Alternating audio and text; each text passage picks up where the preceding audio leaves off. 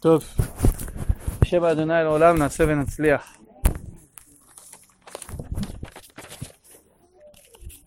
אז ככה.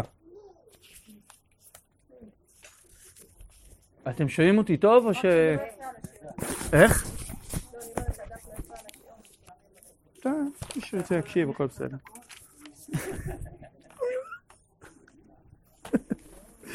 טוב. יהודי אחד היה לו כאבים קצת בשיניים. קצת הייתי אומר זה הרבה. השתגע, השתגע מכאבי שיניים. הלך לרופא, לבדיקה. תשמע, דוקטור, כואב לי, הכל נפוח, לא יכול ללעוס בצד הזה בכלל. רואה כוכבים, כל היום אוכל רק לבן. עשית בזום, זה כל מה שהוא אוכל. קיצור, כואב, כואב, כואב. הרופא בודק, מסתכל, אומר לו, תשמע, יש לי שתי בשורות בשבילך. בשורה ראשונה, השורש רקוב, צריך חקירה כירורגית של השורש. זה משהו מאוד uh, מורכב. ובשורה שנייה, בגלל המקום והרגישות, אני לא יכול לעשות לך הרדמה. אז uh, כמה זה עולה? הרגיל, הרגיל עולה לי 4-5 חקירה כירורגית, אבל עכשיו בגלל שגם אין הרדמה, זה עולה לך 8. טוב? הוא יושב על הכיסא, משלם, הכל מראש, יושב על הכיסא, קושרים אותו, הוא שכר שני בריונים שיחזיקו אותו, ועקר לו את השן. השאלה הנשאלת היא, למה צריך לקשור אותו? למה צריך להחזיק בריונים? ריבון העולמים, הבן אדם הרי ביקש את זה, הוא שילם על זה. יש לו אינטרס בדבר, הוא בחר. למה לכפות עליו? למה לקשור אותו? דרך אגב, זה מי שלא יודע, זה קורה בכל ניתוח בהרדמה מקומית, קושרים את הבן אדם, מנטרלים אותו מכל יכולת תגובה, אז עושים את הניתוח. אבל הבן אדם ביקש את הניתוח. היה מישהו, דרך אגב, שלא עשו לו את זה, נפטר לפני כשלוש שנים. רבנו עובדיה יוסף, פעם אחת אמרו לו שיש לו צורך לעבור ניתוח מאוד קשה, הוא היה מבוגר. הבעיה היא שהסיכון בהרדמה יותר גדול מאשר התועלת בניתוח. והוא רואה את הרופאים מסתודדים, מסתודדים, מה, מה העניין? אמרו לו, מסוכן מדי ההרדמה. אמר להם, אין בעיה, בלי הרדמה. הוא לא, איך אפשר בלי הרדמה? בלי הרדמה. תגידו לי רק מתי אתם רוצים להתחיל. אמרו לו עכשיו, הוא אומר, תנו לי כמה דקות, אני אגיד לכם מתי תתחילו. נכנס, התחיל לעיין בסוגיה, אז הוא אומר להם, טוב, עכשיו אתם יכולים להתחיל. ניתחו אותו כל הניתוח, הוא לא זז מילימטר. זה אדם נדיר, אדם רגיל, אדם שהוא uh, קצת פחות ממלאך, בא לרופא, מבקש, משלם ובורח. למה? בכלל למה אני מספר לכם את זה? לפני שאני אגיד לכם למה אני מספר את זה, אני אעצים את זה עוד יותר. מה בעצם הדבר שגורם לנו לעשות מהלכים, אפילו מהלכים חזקים וקשים, הפך מה שאנחנו רצינו? אני רציתי את הטיפול, למה אני צריך שיקשרו אותי? למה לא מספיק הידיעה שאני רוצה את זה? למה, אמרתי אני רוצה, שילמתי, למה זה לא מספיק? ההסבר הוא, יסביר לנו גם מהלך תמוה מאוד במעמד הר סיני. כשעם ישראל למד לקבל תורה, אז הקדוש ברוך הוא לפני כן עבר את כל אומות תבל ושאל אותם, רוצים לקבל את התורה? מה כתוב בה? לא מתאים, כן מתאים. עד שבסוף הגיע עם ישראל, ועם ישראל ענו לו תשובה.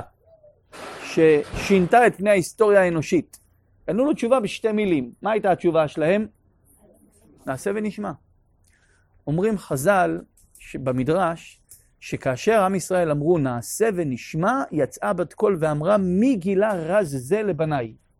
זה היה אירוע כל כך מקונן, זה היה כל כך עוצמתי, זה פשוט שינה את פני ההיסטוריה. נעשה ונשמע. טוב, יופי, ברוך השם, נעשה ונשמע. אז השאלה היא, למה אחר כך חז"ל הוסיפו לנו עוד רובד בסיפור? הם אומרים, מלמד שכפה עליהם הר כגיגית. שהגיע הקדוש ברוך הוא, מה זה כפה הר כגיגית? לקח הר, הר, הפך אותו, ואומר להם, אתם רואים ככה? עוד שניה אני הופך אותו עליכם. רק תעיזו לא לקבל תורה. כפייה דתית הראשונה בהיסטוריה. ולמה? אבל ריבון העולמים, עם ישראל אמר, רצה, נעשה ונשמע. מגיל הר הזה לבניי, איזה רעש היה בעולם. נעשה ונשמע. אז מה אתה רוצה לכפות עליהם הר כגיגית? לא מספיק לך שהם רוצים? הם אומרים אנחנו רוצים, לא טוב? אז התשובה נעוצה באותו סיפור הזה של הרופא שיניים, זה אותו יסוד. היסוד הוא כזה. אדם רוצה באמת את הטיפול הרפואי, אבל יש איזשהו שלב, כשהטיפול הרפואי מתחיל, נכנס משהו שמאבד אצלו את השליטה. קוראים לדבר הזה פחד. הפחד משתק אותו. בגלל הפחד, הוא מוכן לעזוב הכל. עם ישראל, כפייה יותר כגיגית. הפחד שיכול לבוא בהמשך, הרי כאשר בן אדם הולך בדרך, שהוא מכיר ויציבה וברורה, והוא יודע, התוכניות פחות או יותר ברורות לו, הוא שאנן. יכול להיות אפילו שהוא לא חייב להיות שהוא יהיה שאנן, אבל הוא רגוע. אבל כאשר בן אדם נכנס לאנדרלמוסיה ואין לו שמץ של מושג מימין ומשמאל מה הולך לקרות, הפחד יותר נורא מאשר עצם הניסיון. אין שמחה כהתרת הספקות, כי הספקות יכולים לגרום לבן אדם רתיעה ושיתוק. כאשר אמ, בן אדם יהודי מקבל על עצמו תורה מרצון, אבל אז מתחילים הניסיונות והוא מתחיל להרגיש שהוא מאבד את היציבות שלו, נכנס הפחד. בשביל זה צריך הר כגיגית. כי למעשה, כשאדם נניח לצורך משל חי את החיים שלו, לא על פי תורה. ואז יום אחד הוא מגלה את אמיתות התורה, ומחליט, זה בשבילי, אני אוהב את התורה, אני רוצה להיות שם.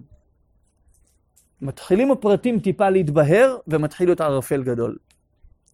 ריבון העולמים, כל כך הרבה פרטים, כל כך הרבה דברים, כל כך הרבה עניינים. לא בשבילה, אני לא מסוגל, לא מסוגל, לא, לא יודע איך להתמודד עם זה. הפחד המשתק הזה גורם להרבה אנשים לעשות צעד אחורה ולסוג מכוונתם הטהורה. בגלל שחסר את הממד הזה של כפיית הר כגיגית. אדם לא מבין שהפחד הזה הוא חלק מהניסיון.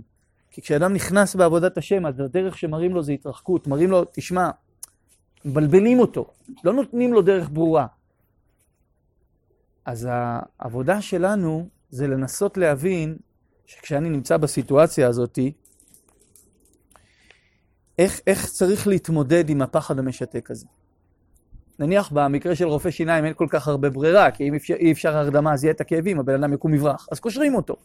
אבל בן אדם שרוצה לבחור עכשיו את אה, חיי תורה ומצוות, או בן אדם שרוצה להתקדם בכיוון כזה, ופתאום הוא מרגיש שכל מה שידוע לו וכל מה שיציב לו הולך ומתערער.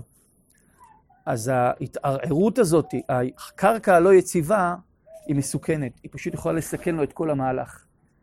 צריך ללמוד איך להתבונן על זה. אמ,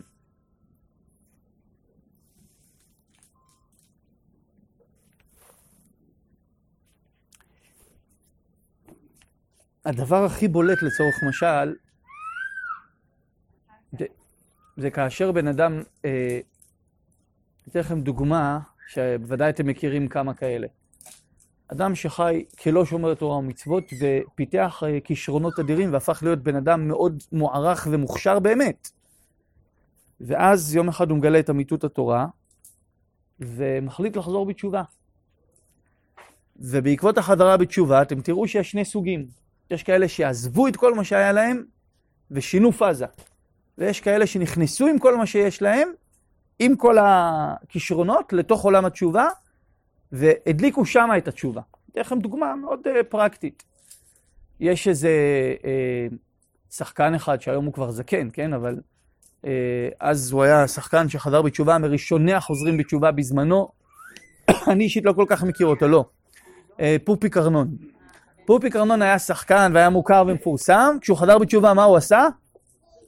חתך בבשר החי, נעלם. לעומת זאת, ניקח את מאיר בנאי לדוגמה, שכבר נפטר, הוא חזר בתשובה. מה הוא המשיך לעשות? המשיך ליצור, המשיך לשיר. זה שתי גישות, אתם תראו את זה בהרבה דמויות שאתם מכירים שחזרו בתשובה. נועה ירון לצורך משל, הייתה שחקנית מפורסמת והכל, חזרה בתשובה, חתכה הכל. לעומת זאת, אה, יודע מה, אביתר בנאי, חזר בתשובה, הכניס את, ה, את הנגינה שלו לעולם התשובה. איזוהי דרך ישרה שיעבור לו האדם? מה הדרך הנכונה? האם, האם, תראו, עצם ההתמודדות עם השאלה הזו, זה כבר מנטרל לפחד את הכוח. הכוח של פחד זה הפחד עצמו. היה פעם אה, במאי סרטים, אה, לא, לא שאני כל כך מכיר את זה, אבל הסיפור הזה הוא מאוד מפורסם, קראו לו איצ'קוק. הבן אדם היה אוהב לעשות סרטי אימה.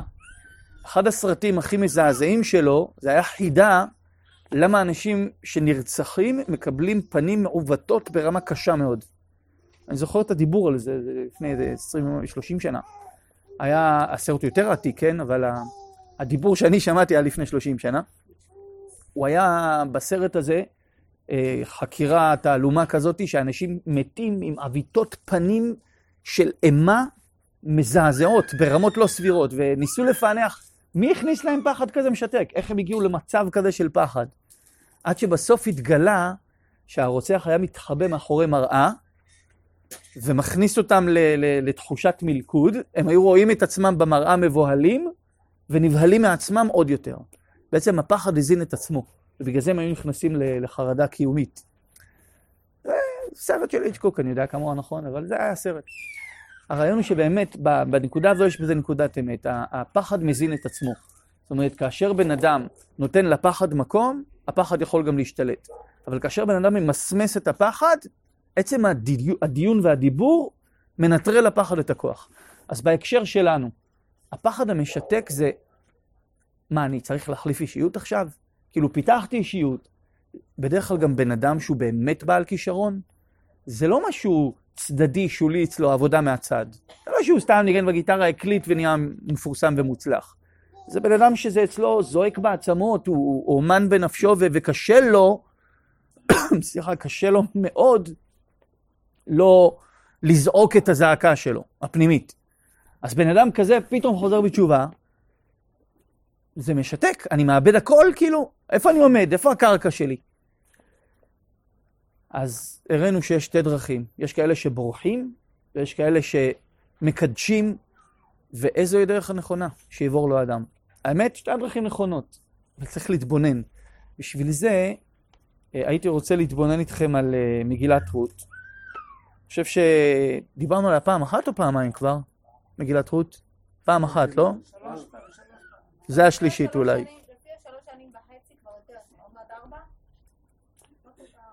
אוקיי. אבל אה, כל פעם זה משהו אחר, דרך אגב, זה לא אותו דבר, כן? יש הרבה פסוקים. כאפה, כאפה. אה?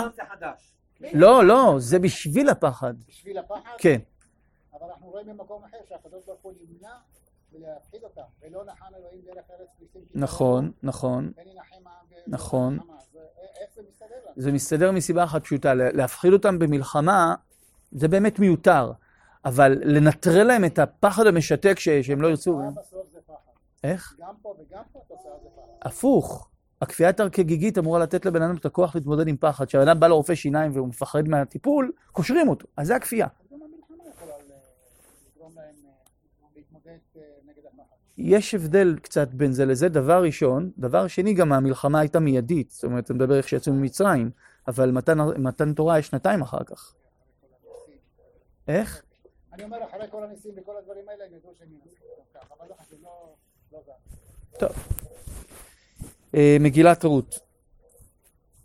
מגילת רות באופן, אה, אה, אני אזכיר את זה, אני חושב שאמרתי, אבל כדאי להזכיר את זה שוב. היא אחד מסיפורי התנ"ך היותר, מבחינה סיפורית, לא מדבר כרגע על קדושה ותורה.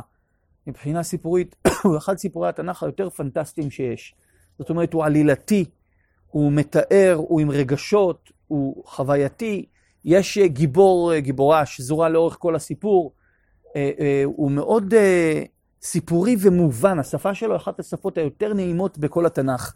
קראו ספר איוב, קראו ספר דניאל, קשה, זה לשבור שיניים. מילים שאנחנו בחיים לא שמענו, חוץ מבספר איוב. אבל מגילת רות זה שפה מאוד קולחת, העלילה מאוד עלילתית, הרקמה של הסיפור היא מאוד סיפורית יפה. ו... וגם רק לקרוא אותו אפשר מאוד ליהנות ממנו. אבל כמובן התורה נדרשת בפרדס, וחז"ל מגלים לנו שיש גם רבדים יותר עמוקים. גם ברמת הפשט, פרדס ראשי תיבות פשט, רמז, דרש וסוד.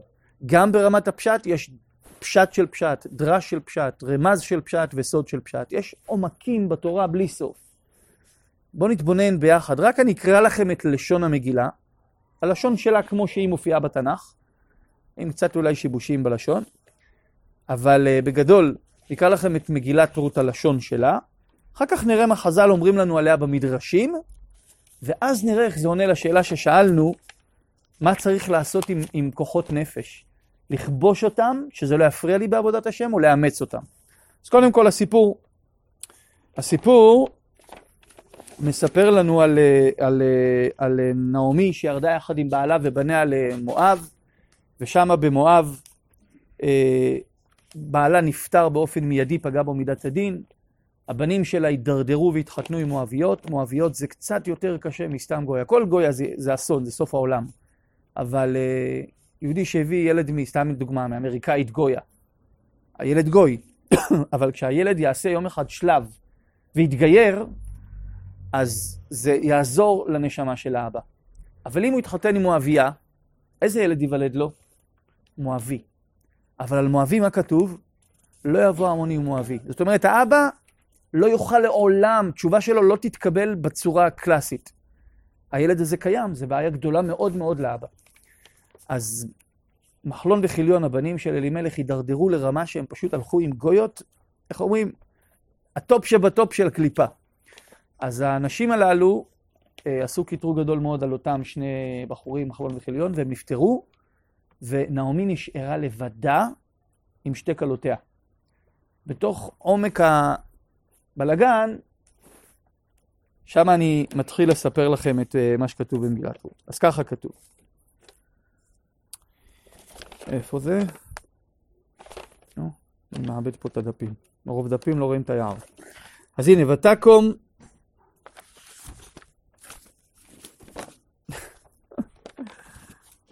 הנה.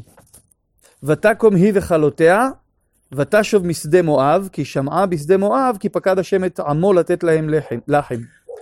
ותצא מן המקום אשר הייתה שמה, ושתי כלותיה עמה. ותלכנה בדרך לשוב אל ארץ יהודה. ותאמר נעמי לשתי כלותיה, לכנה, שובנה, אישה לבית אמה. יעש השם עמכם חסד כאשר עשיתם עם המתים ועמדי. ייתן השם לכם ומצאנה מנוחה, אישה אישה בית אישה, ותשק להן, ותישאנה קולן, ותבכנה. ותאמרנה לה, כי איתך נשוב לעמך. ותאמר נעמי, שובנה בנותיי, למה תלכנה עמדי, עמי? העוד לי בנים במעי והיו לכם לאנשים? שובנה בנותיי, לכנה כי זקנתי מהיות לאיש. כי אמרתי יש לי תקווה, גם הייתי הלילה לאיש וגם ילדתי בנים. הלהן תסברנה עד אשר יגדלו, הלהן תעגנה לבלתי היות לאיש. על בנותיי כי מר לי מאוד מכם, כי יצאה ביד השם. ותישאנה קולן, ותבכנה עוד, ותשק עורפה לחמותה, ורות דבקה בה. ותאמר, הנה שבה יבימתך אל עמה ואל אלוהיה, שובי אחרי יבימתך. ותאמר רות, אל תפגעי בי לעוזבך, לשוב מאחרייך, כי אל אשר תלכי אלך, ובאשר תליני אלין, עמך עמי ואלוהיך אלוהי. באשר תמותי אמות ושם אקבר. כה יעשה לי, כה יעשה לי השם וכה יוסיף, כי המוות יפריד ביני ובינך. ותרא כי מתאמצתי ללכת איתה, ותחדל לדבר אליה, ותלכנה שתהן עד בואנה בית לחם. אלה הפסוקים הרלוונטיים. טוב, את הלשון הבנו, נכון? גם את הסיפור פחות או יותר הבנו. בואו נראה דברים מעניינים מאוד שחז"ל אומרים לנו במדרשים על אותם פסוקים.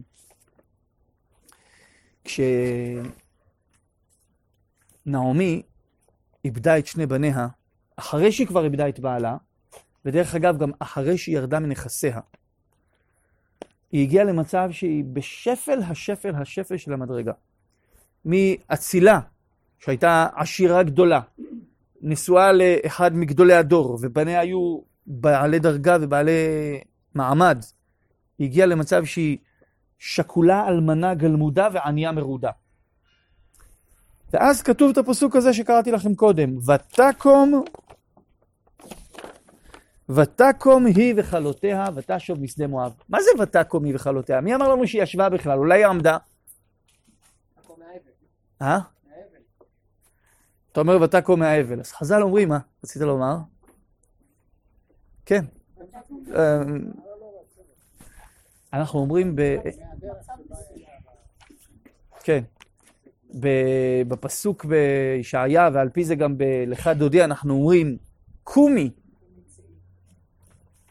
קומי התעוררי. מי אמר לך שהיא יושבת שתגיד לה קומי? אולי היא עומדת. אלא קומי זה לשון תקומה, זה לשון התקוממות. כן, קומי זה... יפה. אז הקימה פה זה בוודאי לא במובן של פוזיציה, אם יושבת אז תעמוד. ותקום היא וכלותיה, אומרים חז"ל, היא התחילה להתקומם מהמצב שהיא נמצאת. היא הבינה, כי שמעה, כי השם פקד את עמו לתת להם לחם. היא הבינה שהיא קיבלה, סליחה על הביטוי ההמוני מדי, אבל היא הבינה שהיא קיבלה כאפה. אז היא אומרת, ריבונו של עולם, למה נתת לי את הכאפה? אני מבינה שאני צריכה לעשות משהו. אז ותקום היא וכלותיה. לאן היא קמה? אומר פה מיד הפסוק, ותשוב משדה מואב. איפה היא הייתה באותו, באותו רגע שכתוב את המילים ותשוב משדה מואב? איפה היא הייתה? בתוך מואב. אז איך היא הספיקה כבר לשוב משם? היא עוד לא יצאה ממואב בכלל. אחר כך כתוב, ותלכנה בדרך וכולי, ועד בואנה בית לחם. היא עוד לא יצאה ממואב בכלל. מה זה ותשוב משדה מואב? אומרים חז"ל, עשתה תשובה מהמקום שנקרא, המקום הרוחני שנקרא שדה מואב. שדה זה מקום קטסטרופלי. שדה זה מקום של חיות רעות, של אין גבולות. כשהתורה רוצה לשבח את יעקב, היא אומרת יעקב ישתם. רוצה לגנות את עשיו, מה היא אומרת? איש שדה. אומר הזוהר הקדוש, דכל מרעין בישין ב. מדרש. כל הדברים הרעים שאתה רוצה להלביש על בן אדם הזה, תלביש עליו. איש שדה זה מהות של אדם שהוא חיית טרף. אז ותקום היא וכלותיה, ותשוב משדה מואב, התחילה לעשות תשובה מהמקום הכל כך גרוע שהיא הייתה בו במואב. ואז, נו, כן. ות... לשוב אל ארץ יהודה, היא רוצה לשוב אל היהדות. ותאמר נעמי לשתי חלותיה, לך נא שוב נא אישה לבית אמה. טוב, בנות יקרות, ליוויתם אותי, הייתם איתי עד עכשיו, אני מעריכה את זה, התאבלתם איתי אפילו, ליוויתם אותי בשבעה, עד כאן, לכו הביתה. כל אחת תשוב אל אמא שלה. סיר עין דאומיש, להתראות. אז למה? אומרים חז"ל, שכאשר בן אדם רוצה לחזור בתשובה, אה, סליחה, כאשר גוי רוצה להתגייר, אז מה עושים דבר ראשון? לא, לא, לא רוצים אותך. תהיה בריא. לא צריך. דבר ראשון, דוחים אותו. אז זה מה שהיא עושה דבר ראשון. דבר ראשון שהיא עושה, כן. ותאמר נעמי לשתי חלותיה, שובנה אישה לבית אמה. לכו הביתה. יעש השם עמכם חסד כאשר עשיתם ימיתי ועמדי. ייתן השם ומצאנה מנוחה אישה בית אישה. תקשיבו, אתם בנות שיש לכם עוד חיים לפניכם, אני אישה זקנה, תמצאו את החיים שלכם ותסתדרו. אין לכם מה לחפש איתי, אני לא התקווה שלכם. היא דוחה אותם. ומה עושות? שימו לב, בלשון של הפסוק כתוב ככה, ותאמר נעמי לשתי חלותיה. מה עושות שתי הבנות? ותישאנה קולן ותבכנה. בכי זה לא בא ממקום של זיוף. אתם יודעים שיש מאמר כזה שאומר, שאתה בא לשמחה, בסדר? לאירוע משמח, חתונה, בר מצווה, לא יודע מה, אתה רואה את כולם שמחים, ויש שם אפילו כמה אנשים שהיו לבושים בגדים מאוד מאוד יפים. אתה תוכל לזהות בקלות מבעל השמחה? לא בטוח. יכול להיות שזה שניגשת אליו הוא בכלל דוד, או סתם איזה אחד שאוהב להתלבש יפה. אתה לא יכול כל כך לזהות, אבל כשאתה בא לוויה, להבדיל, כשאתה בא ללוויה, אתה תוכל לזהות מי האבלים? בדרך כלל הם יבכו את הבכי הכי קשה, בדרך כלל הם יהיו נראים ככה, כי בן אדם לא בוכה מתוך מקום של פלסטיק, לא שמים אה, בצל בעיניים בשביל הסרטון. אז אה, בן אדם בוכה, בדרך כלל זה בא ממקום פנימי. אז כתוב. איך? פנימי. מכאב אמיתי. כן. ותישאנה קולן ותבכנה, ותאמרנה לה, איתך נשוב לעמך. אנחנו לא רוצות סתם לבוא איתך. אנחנו באות איתך לאן? מה זה לעמך? אנחנו מתגיירות. אנחנו לא סתם מלוות אותך, מכבדות אותך, אנחנו באות איתך להתגייר. שומעת את זה, נעמי? ש? נכון. נכון, אבל אתה יכול עדיין להסביר שהם עשו את זה מדרך כבוד. הוא אומר, היא וכלותיה, ותקום היא וכלותיה, אז הם כיבדו, אבל עדיין אתה יכול להסביר שהם כיבדו אותה. היא הייתה חמותם, אהבו אותה, עשר שנים הייתה, היו חיות אצלה, אז כיבדו אותה. בעצם הפיצול והבכי זה גם כן. זה כבר מוכיח, יכול להיות. אתה תראה שזה כן נכון לגבי עורפה, נראה זה בהמשך. אבל אז, כתוב, ותאמר נעמי שובנה בנותיי. לפני כן, איך היא קראה להם? כלותיה, נכון? פתאום הם נהיו בנותיה. למה? קרבה, היא הרגישה, הרגישה שיש פה משהו עמוק פנימי. אז היא אומרת, שובנה בנותיי. כי אמרתי, יש לי תקווה, נו, אתם חושבות שיש לי עתיד. אני זקנה, וגם ילדתי בנים, על ההן תסברנה עד אשר יגדלו, על ההן תעגנה לבלתי להיות לאיש. ואז היא אומרת להם משפט ממש ממש קשה. תתבוננו רגע במשפט, ותגידו לי איזה מאמר חז"ל יהיה, לא מאמר חז"ל, אבל מה חז"ל ילבישו פה במדרש על המילים הללו. כי מר לי מאוד מכם, כי יצאה בי יד השם. כי מר לי מאוד מכם, כי יצאה בי יד השם. מה אומרת להם נעמי? ל... בגללכם. בגללכן. שתדעו לכן, בנות יקרות, אני מבינה שאת כל החלעות האלה שקיבלתי ושיקלתי את הבנים, זה בגללכם. אתם הייתם הקטרוג שהרג לי את הבנים. איזה קשה זה, אה? הן רוצות להתקרב, היא... אה? איך? אבל חז"ל ככה מסבירים במדרש, תדע. תשמע. כי מר לי מאוד, אה, אתה אומר מכם ביחס אליכם, כאילו מבחינת אה, מידה. כן. אתה יכול להסביר ככה על דרך פשט, נכון, נכון, על דרך פשט ההסבר שלך הוא נכון, אבל חז"ל מסבירים במדרש שהם היו הגורמות שלה. ודרך אגב, ודרך אגב גם,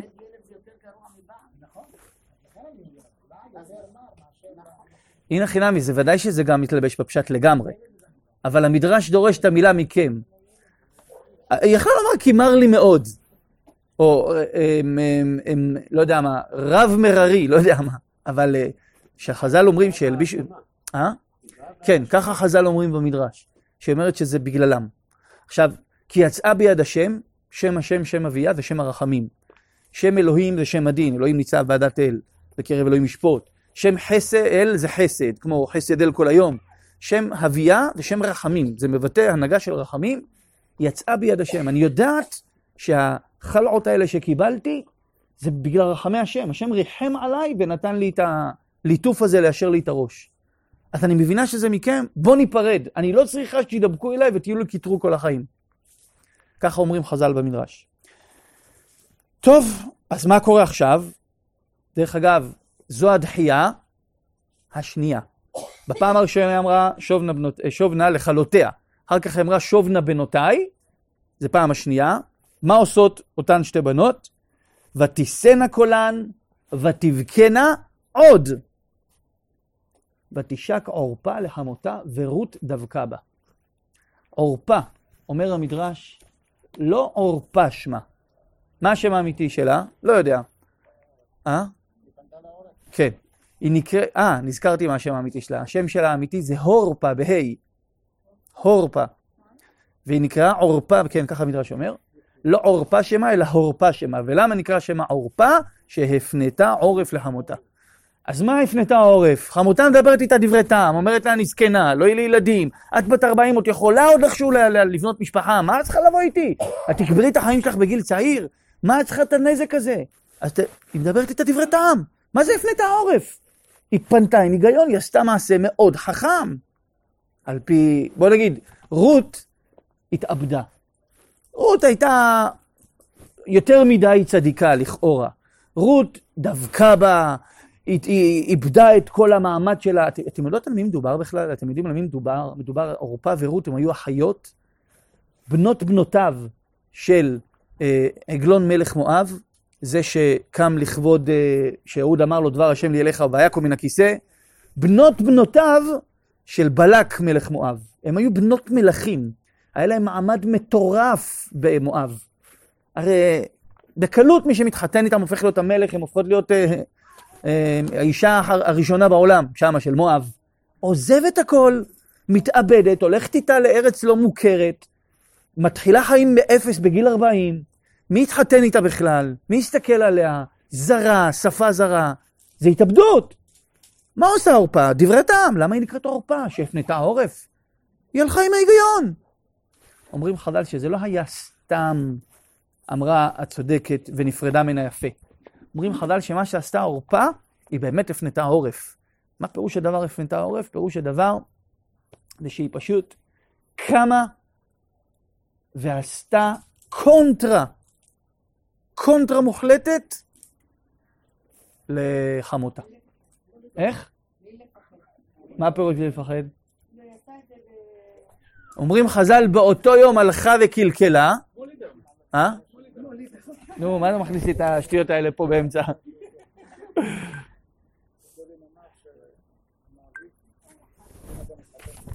אז רגע, אני לא יודע למה זה לא, שנייה רגע, שלא יהיה לי כבר מספיק, יש לי פדיחות פה, טוב, לא עובד, לא משנה. בקיצור, אז אה, אומרים חז"ל, עורפה זה עובד, אומרים חז"ל, עורפה, באותו יום הפנתה עורף, הלכה וקלקלה, והיא הולידה ארבעה גיבורים. אחד מארבעה גיבורים, מי זה היה? גוליית. שחירף מערכות אלוהים חיים. שמה שהיא עשתה, היא לא סתם הלכה וקלקלה, הלכה לדרכה, נפרדה. היא קלקלה, היא הלכה בקונטרה, מרדה, לכן היא נקראת עורפה. טוב, בוא נחזור לרות. רות דבקה בה. טוב, אז מתחיל המהלך המורכב. מה פירוש מהלך המורכב? עכשיו, ותאמר, הנה שבה יבימתך אל עמה, ואל אלוהיה, מלמד שהיא גם חזרה לעבוד עבודה זרה. הרי עבוד, גם גוי אסור בעבודה זרה. אבל כשעורפה חזרה, חזרה עד הסוף. כן. וגם בגלל זה הוליד את הארבע גיבורים שהם נלחמו נגד עם ישראל. שובי אחרי אבימתך, ואז ותאמר רות, אל תפגעי בי לעוזבך לשוב מאחרייך. תדייקו לי במילים האלה, לעוזבך לשוב מאחרייך. מה אני יכול לדייק פה במילים האלה? כן לא, לפגוע זה לא במובן שאתה מבין של אה, רגש. לא, לא, לא, ודאי שלא. בתורה פגיעה משמעותה הפצרה. לא, לא, לא, לא, לא, מחילה, רק שלא תבין לא נכון. המילה פגיעה בעברית שאומרת פגע בי רגשית, כאילו כביכול אה, העלבה, בתורה אין לה שום משמעות כזאת. המילה פגיעה בתורה משמעותה הפצרה. כמו אל תעתר בעד העם הזה רמנה ותפילה ואל תפגע בי. אה? זה פגישה. או פגישה או הפצרה, אבל בוודאי שלא אה, העלבה רגשית. זה לא שייך בפירוש הזה. אל תפגעי בי, פירוש הדבר אל תפצירי בי. בסדר? אל תפצירי בי לעוזבך, לשוב מאחרייך, אה? כן, אבל מה זה לעוזבך לשוב מאחרייך? נו. נו.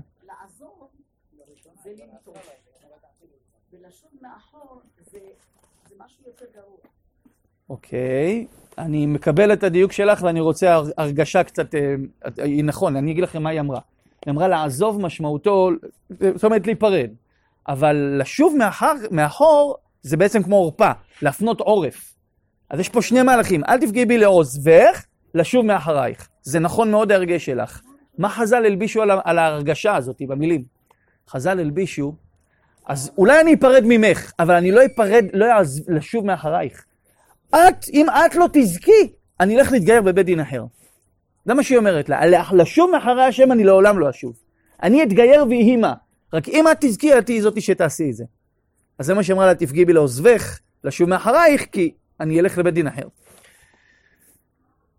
ואז היא מתחילה להגיד, כי כאשר, אל אשר תלכי ילך, באשר תלין ילין, עמך עמי, אלוהיך אלוהי, באשר תמות ימות ושם אקבר. עכשיו אומרים פה חז"ל, דו שיח מטורף.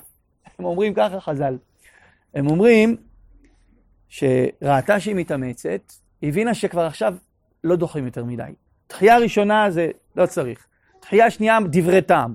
תחייה שלישית, מתחילים ללמד אותו הלכות חמורות וקלות. אם הוא מקבל, מקבלים. ואז היא אומרת לה, תשמעי, את בת מלכים, את רגילה ללכת להצגות, לתיאטרון, לאופרה, לקאמרי, למררי, כל השטויות האלה. אצלנו אין אפשרות ללכת לאן שרוצים. בן אדם יהודי, יהודייה, הולך רק למקומות שמותר לו. ולא רק זה, אפילו בשבת יש אה, ברית ב, או אירוע במרחק של שתי קילומטר, אתה לא יכול ללכת, זה מחוץ לתחום שבת. אין לנו אפשרות ללכת לאן שבא לנו. מה עונה לרות? באשר תלכי אלך. אז אומרת לה נעמי, טוב, תשמעי, את יודעת שכשבן שה... אדם לא יהודי, יכול לעשות מה בא לו מבחינת הקדושה. אבל יהודים יש לנו אה, איסור עריות, ולא רק שיש איסור עריות, יש אפילו איסור ייחוד. בן אדם לא יכול להיות בבית אחד עם אישה סתם. טוב, אל תדאגי. אשר תלין ילין. אני גם ישן גם בבית שיש בו מזוזה. אל תדאגי. אומרת לה, טוב, את יודעת שיש לנו תרי"ג מצוות, זה עול גדול מאוד, זה לא שבע מצוות כמו גוי. עמך עמי. עבודה זרה? out of the way, כאילו אין שום, זה לא אצלנו. אלוהיך אלוהי. אומרת לה, את יודעת, זה לא נגמר בזה. גם אחרי שכבר בן אדם עושה, יש מיתות בדין. גם אם מיתת בדין לא מתקיימת, יש דין תשלום ארבע מיתות בדין. זאת אומרת, בן אדם שהתחייב סקילה, אומרת הגמרא, אז לצורך משל הוא ייפול מאיזשהו בניין או יתרסק בתוך מכונית, בן אדם שחייב שריפה, יישרף, בן אדם שחייב אה, הרג. דין, אה, אם מיתות בדין בטלו, ארבע מיתות בדין לא בטלו, דין ארבע מיתות בדין. ואשר תמות ימות. גם אחרי זה יש בית קברות לשומרי שבת, בית קברות לשאינם שומרי שבת. בית קברות, גם בקבורה יש הבדלים, ושם מקבר.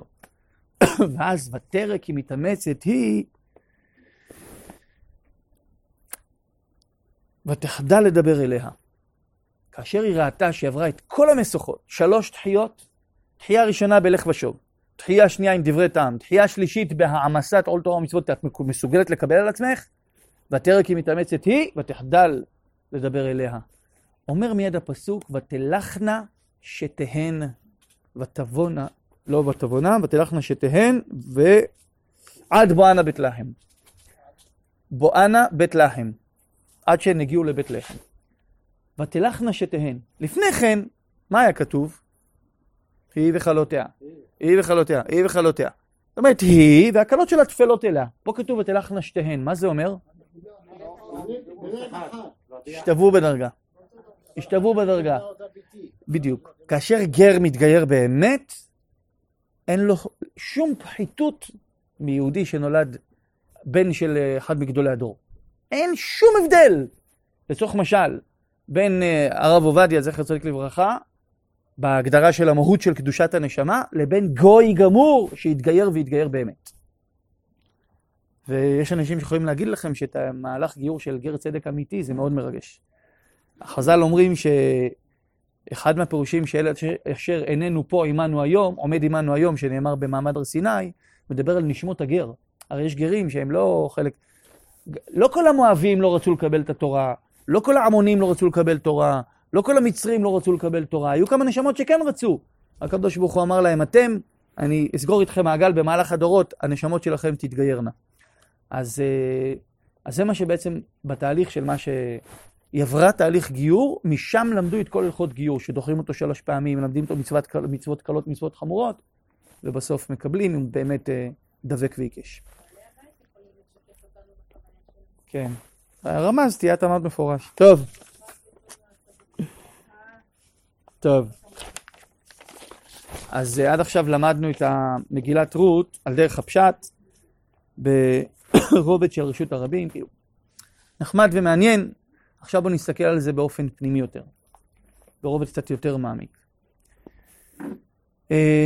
נעמי, אומר המדרש, לא, לא נעמי שמה, לא יודע מה השם שלה, רות, דרך אגב, זה לא השם שלה. למה היא נקראת רות? שיצא מן הבן שריבה את הקדוש ברוך הוא בשירות ותשבחות. זה מין נוטריקון כזה. מה השם האמיתי שלה? האמיתי שלה, שככה קראו לה הוריה לפני שהתגיירה. גלית. גלית. כן? זה היה השם של אה, רות לפני הגיור. גלית. כן. כך כתוב. כן, אז... Uh, נעמי לא נעמי שמה, ולמה נקרא שמה נעמי? מפני שהיא נאה ונעימה במעשיה. היו קוראים לה נעימה, הנעימה הזאת, איזה נעימה הבחורה הזאת. כולם היו מכבדים אותה ומעריכים אותה, אוהבים אותה, כי הייתה נעימה. זו הייתה גברת נעמי. על דרך עבודת השם, הנשמה, אנחנו אומרים את זה בבוקר, אלוהי, נשמה שנתת בי, טהורה. מה זה אומר? מה המשמעות של המשפט הזה? אבל יש אנשים עם מידות רעות, יש אנשים רשעים. מה זה נשמה טהורה? יש נשמות רעות. לא, אין דבר כזה. כל הנשמות בעולם הן נשמות טהורות. אין דבר כזה, אין הבדל בנשמה, כי זה חלק אלוהים ממעל.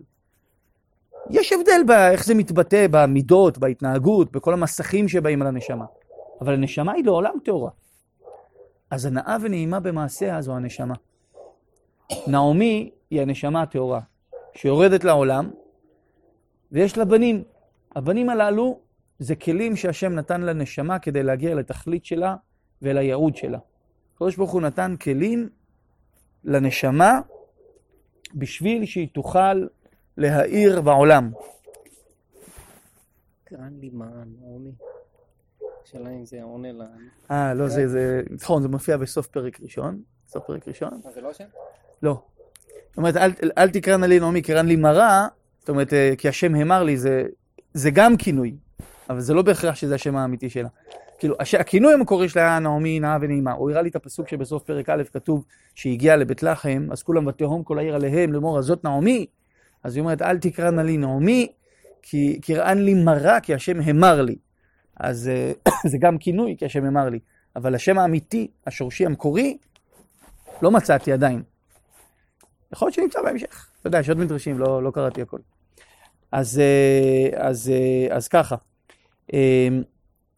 אז באמת, נעמי זה נשמה, והבנים שלה זה הכלים שהשם נתן לה בעולם לבטא את אור הנשמה. כאשר האדם יורד עם כוחות וכלים לעולם הזה, הוא מפתח אותם. ויוצר מהם את הכישרונות שלו. נניח יש בן אדם שיש לו כלי מסוים, נניח אוזן חדה להרגשה, אז הוא פיתח את זה לזמרה, הוא פיתח את זה לשירה, הוא פיתח את זה להלחנה, כל אחד מפתח את זה לכישרון. אז הכישרונות הללו זה כמו בעצם נשים שנישאו לבנים הללו. הפוטנציאל הגלום בנשמה זה הבנים של הנשמה, והכישרונות שהוא פיתח זה הנשים שהבנים הללו נשאו. נעמי, הנשמה, ירדה לעולם עם בנים ופיתחה מהם כישרונות. זה הנשים של הבנים. אבל הכישרונות הללו היו במקום לא טוב. הם היו בשדה מואב. זאת אומרת, בן אדם פיתח את הכישרונות שלו במקום שהוא הפך רצון השם, לא במקום שהוא היה אמור לפתח אותם. ואז ותקום היא וכלותיה. הנשמה מתעוררת ורוצה לחזור בתשובה. ותשוב משדה מואב. רוצה לשוב, רוצה לצאת מהמקום, ותצא היא וחלות. רוצה לצאת מהמציאות הזאת של עמוק להתבוסס בתוך הקטסטרופה של החיים הלא רצויים, לא דרך רצון השם. אז מה עושים? דבר ראשון, כשבן אדם מתעורר, תראו, אה, זה מצחיק, לא רוצה לדבר פוליטיקה, אבל זה דווקא יהיה אקטואלי ומעניין. שמעתי, אני לא כל כך מבין בזה, וזה באמת לא כזה מעניין אותי, אבל אני, ברור לי שזה קצת יעיר פה מי ש... אבל uh, יש דבר כזה שנקרא תקופת צינון. זאת אומרת, בן אדם שמסיים תפקיד ציבורי, בעיקר בצבא, לא יכול להיבחר לרשויות השלטון, בשביל שלא יסגרו כבר דילים בזמן שהוא עוד משרת. אז הבן אדם יוצא מהשירות, עובר תקופת צינון, ורק אז יוכל להיכנס. עכשיו, בגלל ש... הבחירות אמורות להיות עוד שלושה חודשים, אז uh, זה קיצר תקופת צינון למישהו. מכירים את הסיפור הזה? יכול להיות, לא יודע. אבל uh, שמעתי שכאילו, זה יצא שבגלל שנפלה הכנסת כל כך מהר, אז uh, זה קיצר את התקופת צינון. אז, uh, אז גם בהקשר שלנו, להבדיל, אדם רוצה לעשות החלפת uh, כיוון חיים. זאת אומרת, הוא חי כרגע שלא בדרך רצון השם. הוא רוצה להתעורר ולחזור בתשובה. לרוץ מיד ולברר את הכישורים והכישרונות שלו, יהיה לו מאוד מאוד מסוכן. צריך לעבור תקופת צינון. בלי תקופת צינון, הבן אדם באמת יכול לעשות שגיאות גדולות מדי. אחר כך, אם תרשו לי, בסוף, אני אשתדל מאוד לעמוד בדיני לשון הרע, אבל אנחנו אפילו ניתן דוגמאות של אנשים, ואתם תראו בעיניים שלכם שמי שעשה את הסדר הזה, הצליח, ומי שלא עשה את הסדר הזה נפל. ויש לצערי הרבה דוגמאות. אה, בואו נתקדם. אז דבר ראשון, מה צריך לעשות? לדחות. מה עושה נעמי הנשמה? אל הקלות שלה, לכישרונות. שוב, אני מזכיר, אנחנו מדברים פה כרגע באופן המטאפורי של סיפור אה, מגילת רות. לוקחים את כל הפירוש שפירשנו את המדרשים והכל, ומבינים אותו באופן אחר קצת, ברמז לעבודת הנשמה. הרי ממה התחלנו? בכלל, מה אנחנו מדברים פה? אנחנו מדברים על זה שכאשר בן אדם מתעורר לעשות את רצון השם, נכנס פחד משתק. הוא מרגיש חוסר יציבות. כי כאשר אדם יודע את כל מה שהוא אמור לעשות, והכל ברור והכל מובן, אז בסדר, אבל כאשר בן אדם מעורער בהרגשת היציבות שלו, והוא מסופק האם הדרך שהוא הולך היא נכונה, ואם הוא לא עושה שטויות ועלול לאבד את הכל, אז הוא באמת עלול לאבד את הכל. רק בגלל הפחד הזה. אז נעמי זה כינוי לנשמה, והבנות שלה, רות ועורפה, זה כישרונות שהתבטאו בעולם הזה. מה עושים דבר ראשון? דוחים אותם. בלך ושוב. ואז היא אומרת להם, לך נשוב נא אישה לבית אמה. כישורים יקרים, עזבו, תיתנו לי רגע קצת להתבסס. אבל הכישורים האלה לא עוזבים את הבן אדם. כי בן אדם שבאמת באמת בפנימיות שלו השקיע את עצמו. אדם נניח לצורך משל פיתח את עצמו ביכולות זמרה מאוד מאוד מיוחדות. זמר באמת ברמה, בחסד uh, עליון. לא תמיד יש לזמרים את הקולות היפים ביותר בעולם, אתם יודעים. יש זמרים עם קולות של צפרדע. אבל באמת, מציאות. אבל למה אוהבים לשמוע אותם? כי הוא לא שר את, ה, את הדקויות של הצלילים. הוא שר את המהות של מה שהוא אומר. הוא בדרך כלל גם חיבר והלחין את השיר שלו, ו- ו- וזה נוגע לך במקומות ש- שאתה מוצא את ההזדהות איתו. זה משהו פנימי יותר. לפעמים הזמרים מוציאים אלבום התאבדות. הם יודעים שאף אחד לא יקנה את האלבום הזה, הם יודעים שהשירים האלה לא יצליחו. אבל זו הייתה זעקה פנימית והוא חייב לצעוק אותה. אדם עשה את זה. זה משהו פנימי, זה לא ייתן לו שקט. אז אדם, הנשמה רוצה לחזור בתשובה. נעמי רוצה לצאת משדה מואב, לשוב אל בית לחם. אבל רות ועורפה לא רוצים לעזוב אותה. ותישאנה כולנו ותבכנה עוד. הן בוכות לו, אני לא רוצה להיפרד ממך. זה, זה יושב לך בפנים. טוב, אז מה היא עושה? אז היא אומרת להם, שובנה בנותיי, למה תלכנה עמי העוד לי בנים במעי והיו לכם לאנשים? שובנה בנותיי, לכנה כי זקנתי מיות לאיש, כי אמרתי יש לי תקווה, גם הייתי הלילה לאיש וכולי. לפני כן, כאשר בן אדם מתחיל את התהליך, דבר ראשון הוא לוקח פסק זמן. כי הרוט... תראו, בן אדם שחי רוטינה ושגרה ומרוץ החיים שלו מאוד מטורף. ממש כאילו טה-טה-טה-טה מדבר לדבר מדבר לדבר, רוב הסיכויים שלא נותן מספיק שימת לב לדברים. כשפרעה הרשע שמע שמשה רבנו הגיע אל העם ואמר להם פקוד פקד השם אתכם וכולי, העם התחיל להרגיש, כן, הנה חופשי, חופשי, שהחירות מגיעה. אז מה עשה פרעה? יפה. אמר, לא יינתן להם קש ותבן, הם ילכו לקושש לבד. למה? תכבד העבודה על האנשים ויעשו בה, ואל ישעו בדברי שקר. יענו, כשהשם היה תפוס, אין לו זמן לחשוב. זה אחת העצות הנפלאות שיצר הרע המציא בדור האחרון, חוץ מהקליפה של כל האריות וה, וההידרדרות הרוחנית. חוץ מזה, רובנו עסוקים ברמות שפעם היו צריכים חמישה אנשים לעשות מה שבן אדם היום עושה. אני לא מגזים בכלל. שימו לב, לפני 40 שנה, האם בן אדם ממוצע היה עושה את מה שאתה עושה, או שארבע אנשים עושים את מה שאתה עושה? היום אנשים מספיקים הרבה יותר. מה, אנחנו כל כך מוכשרים? לא, זה חלק מהטכניקה של המלחמה האחרונה. תכפה לעבודה לאנשים ויעשו בה, אבל ישו בדברי שקר. איך? והמכונות עשו לנו יותר זמן, את האמת. תפסו אותנו יותר. זה, זה לא יאומן, הרי המכונת כביסה אמורה לפנות לך זמן. המכונת אה, מדיח, מדיח כלים אמורה לפנות לך זמן. בפועל, אנחנו אין לנו זמן לנשום. זה לא יאומן. לפני 40 שנה, אתה היית הולך בנחת לכל דבר, והכל היה בנחת, ובנח... והיום הכל בלחץ. נכון, נכון, נכון. בכל מקרה, המציאות היא שזה חלק מהמלחמה. חלק מהניסיון, יכבד העבודה. אז אדם צריך ליצור לעצמו את ההפסקות היזומות. אדם יתעורר לחזור בתשובה, יתעורר. אם הוא ימשיך את שגרת החיים שלו, סיכוי מאוד נמוך שהוא יצליח לעשות עם עצמו משהו. חייב את הברקס ואת ההתבוננות. לא יעשה ברקס, לא יעשה התבוננות, סיכוי אפס שהוא יצליח. בסדר? אז קודם כל, ברקס. ואז הקולות מקשקשים בקרבו. ותישאנה קולן ותבכנה.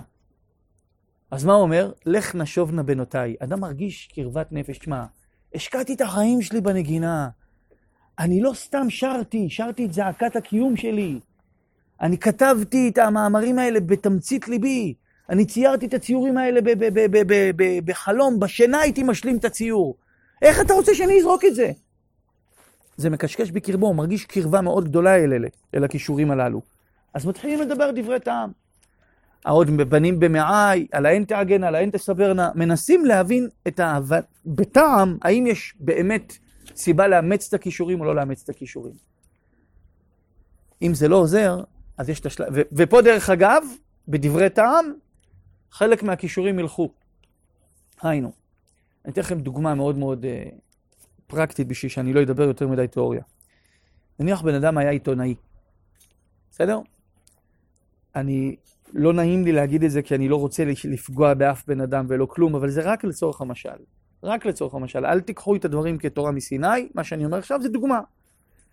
רוב ככל העיתונאים, ואני לא מדבר על 90 אחוז, אני מדבר על הרבה יותר, רובם ככולם נכשלים יום-יום, מאמר-מאמר באיסורי תורה חמורים ביותר. של הוצאת שם רע, של לשון הרע, של רכילות, של, של הונאת דברים, של הלבנת פנים, ש... דברים קשים ביותר, מחוסר שימת לב. קשה מאוד לכתוב סנס... סנסציה, איך קוראים לזה? סנסציה עיתונאית בלי לעשות אותה צהובה, וגם העיתונאים לכאורה מכובדים מאוד נמוכים. יש דברים שקופים שכולם רואים שזה שקר גמור, אבל גם דברים שהם uh, בעדינות, תתבונן, תראה שזה שקר. וזה קשה מאוד לבן אדם שחוזר בתשובה להמשיך להיות עיתונאי ולכתוב דברים כאלה, כי סתירה מיני הווה. לכן, לדוגמה, בן אדם שחוזר בתשובה והוא עיתונאי, רוב הסיכויים שהוא יצטרך לשנות כיוון. אולי הוא יעבור למדור הסיפורים, אולי הוא יעבור למדור דעות, אבל למדור עיתונאות ורכילות, רוב הסיכויים שהוא לא יצליח. איך? מה זה אומר? אה, לא יודע איך זה קשור, אבל... טוב, בכל מקרה, לענייננו, באמת שזה... זה... יש דברים שהם מסוכנים להמשיך איתם. לעומת זאת, שירה יכול להיות דבר שאפשר לצמוח איתו. אין אדם שר שירה אלא מתוך שמחה. השירה, הניגון של הלב. האדם ש... כן, ככה אומרים חז"ל. כאשר בן אדם שר, הוא עושה את זה ממקום מאוד פנימי ועמוק. שירה היא בדרך כלל, בדרך כלל, בדרך כלל, לא באה ממקום של שכל, היא בעיקר באה ממקום של רגש. מי שזוכר את התקופה לפני 40 שנה, אולי יותר, 30 אפילו, יכול להיות שעוד היה שרידים של זה. אני זוכר את זה בתור ילד, שהיו את המקוננות. היו את הנשים הללו שהיו, אה, מישהו נפטר, היו מתאספות הנשים ביחד, ומתחילות, אחת הייתה מנגנת להם, וכולם היו בוכות. השירה היא מעוררת רגש, זו עובדה. היא עוצמתית מאוד. אני זוכר את זה פשוט כי סבתא שלי הייתה המקוננת של השכונה, היא גם הייתה המזמרת של השכונה, שהייתה חינה וזה, הייתה קולולו וכל השירים. היה פעם דברים כאלה עוצמתיים. הייתה עוצמת רגש וחוויה מאוד מאוד מאוד גדולה בעבר. לגופו של עניין, שירה לדוגמה זה משהו שכן אפשר לבדוק ולברור אותו. אז איך בוררים אותו? אמרנו שהיא עשתה לה מבחן. היא אמרה לה, אנחנו לא יכולים ללכת לכל מקום. ואז אמרה לה, באשר תלכי אלך. מה זה הליכה לכל מקום? זה גבולות. אם אדם יודע להציב גבולות לכישורים שלו, יודע להציב גבולות, באשר תלכי אלך, עברת משוכה ראשונה. מה זה להציב גבולות? יש דברים שבן אדם לעולם לא יעשה. אני זוכר, קרה, זה היה מקרה, אמנם לא הייתי מחובר למדיה וכאלה אז בזמנו, אבל אני זוכר את זה מאוד חי. אני חושב שאפילו אחר כך הראו לי את הסרטון הזה ב... היה איזה זמר, הוא עדיין חי, והוא מפורסם עד היום, דקלון. פעם בעבר הייתה תקופה שהוא היה מאוד מאוד מאוד מאוד פרווה מבחינה דתית.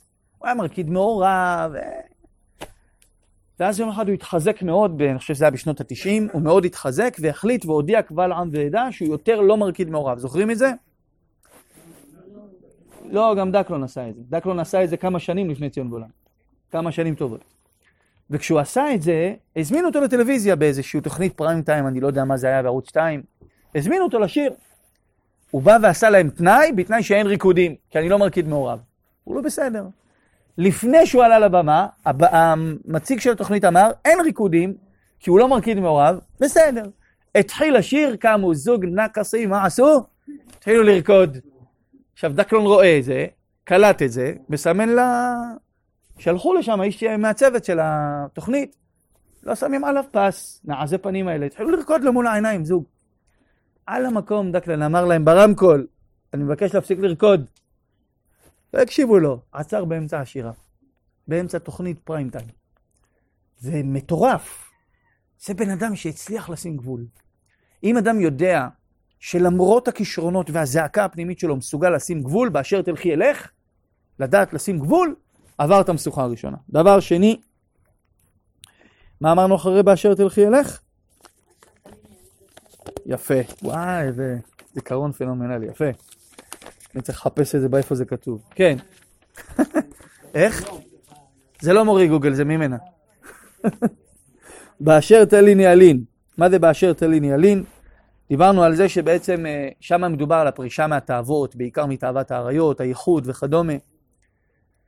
תראו, אה, כל בן אדם ניזון מ...